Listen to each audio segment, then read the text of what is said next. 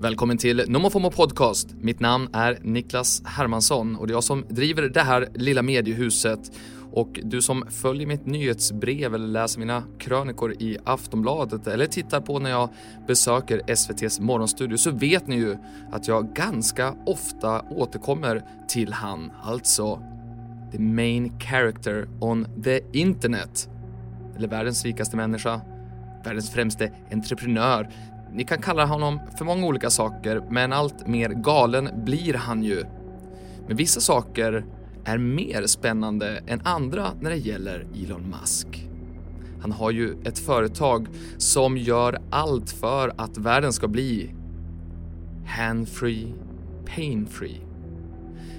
Vad jag menar med det, det kommer du få reda på nu, för nu ska jag läsa in en text som publicerades i Aftonbladet i februari 2024. Snart kan vi bli supermänniskor på riktigt. Men vill vi det? Elon Musks mest mytomspunna företag har opererat in ett chip i hjärnan på en människa som redan påstås kunna röra en datormus bara genom att tänka. I april 2021 släpper Neuralink en video på en nioårig amerikan som spelar tv-spelet Pong. Inget konstigt med det, vi älskar ju att titta på andra som gamar, men den här videon är inte som andra. Den sprids som en löpeld eftersom Pager är en apa. Och han använder inte händerna för att spela. Han styr markören bara genom att tänka eftersom han har ett chip inopererat i hjärnan. Och för att sitta kvar framför skärmen matas han med smoothie genom ett rör. Apan Pager var inte ensam. Neuralink hade fler apor, men nu är de döda. Utredningar visar att de avled under tortyrliknande former men Elon Musk han förnekar att det var chippets fel. Han hävdar att aporna inte alls led av hans experiment. Vad som är sant får vi kanske aldrig veta. Elon Musk må vara besatt av att vara internets huvudkaraktär, men när det gäller sin biotech startup, ja, då jobbar han helst bakom lyckta dörrar. Vilket blir särskilt problematiskt när han har fått tummen upp från myndigheterna att operera in chip även i människor. I maj 2023, alltså i fjol, så fick Neuralink sin ansökan godkänd och i januari twittrade Elon Musk att det första mänskliga försöket hade påbörjats och i måndags basunerade han ut att försökspersonen nu kan styra en datormus med tanken. Om det stämmer vet vi inte, men vi borde inte vara förvånade.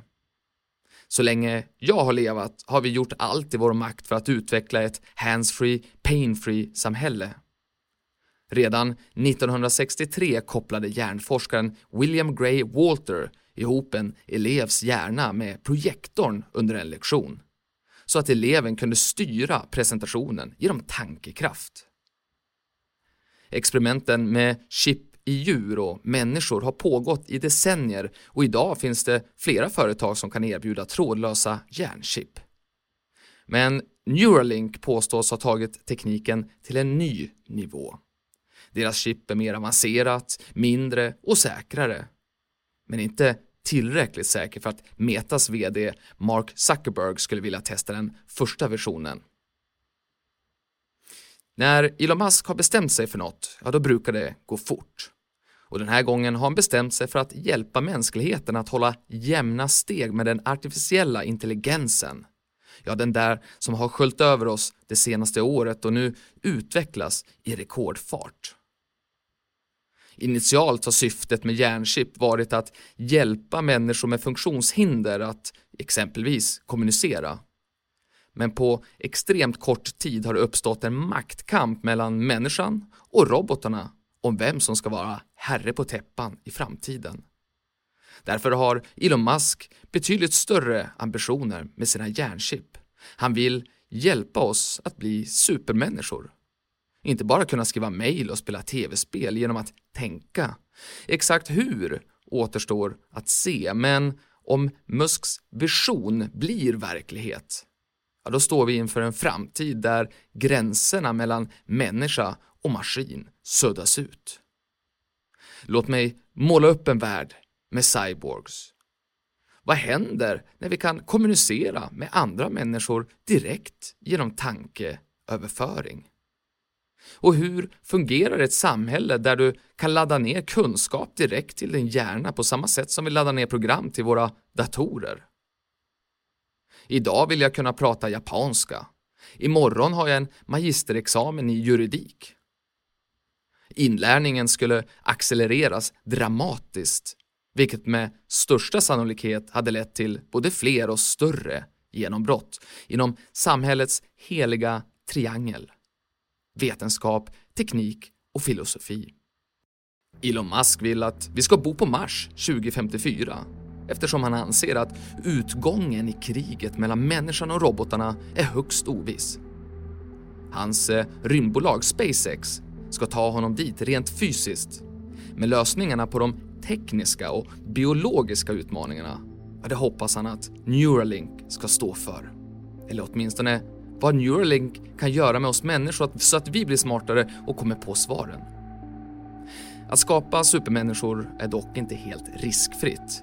Du kan få hjärnskador, du kan bli hackad, vilket kan leda till utpressning, identitetsstöld och att dina tankar blir manipulerade. Och en annan liten detalj som kan vara värd att reflektera över är hur hjärnchip hade påverkat klyftorna i samhället. Att ha råd med en fin utbildning är en sak, att kunna optimera sin intelligens på en sekund är en annan. Tack för att du har lyssnat. Gå gärna in ifall du lyssnar på Spotify och ratea podden. Och eh, nu hoppas jag att du får en fantastisk dag.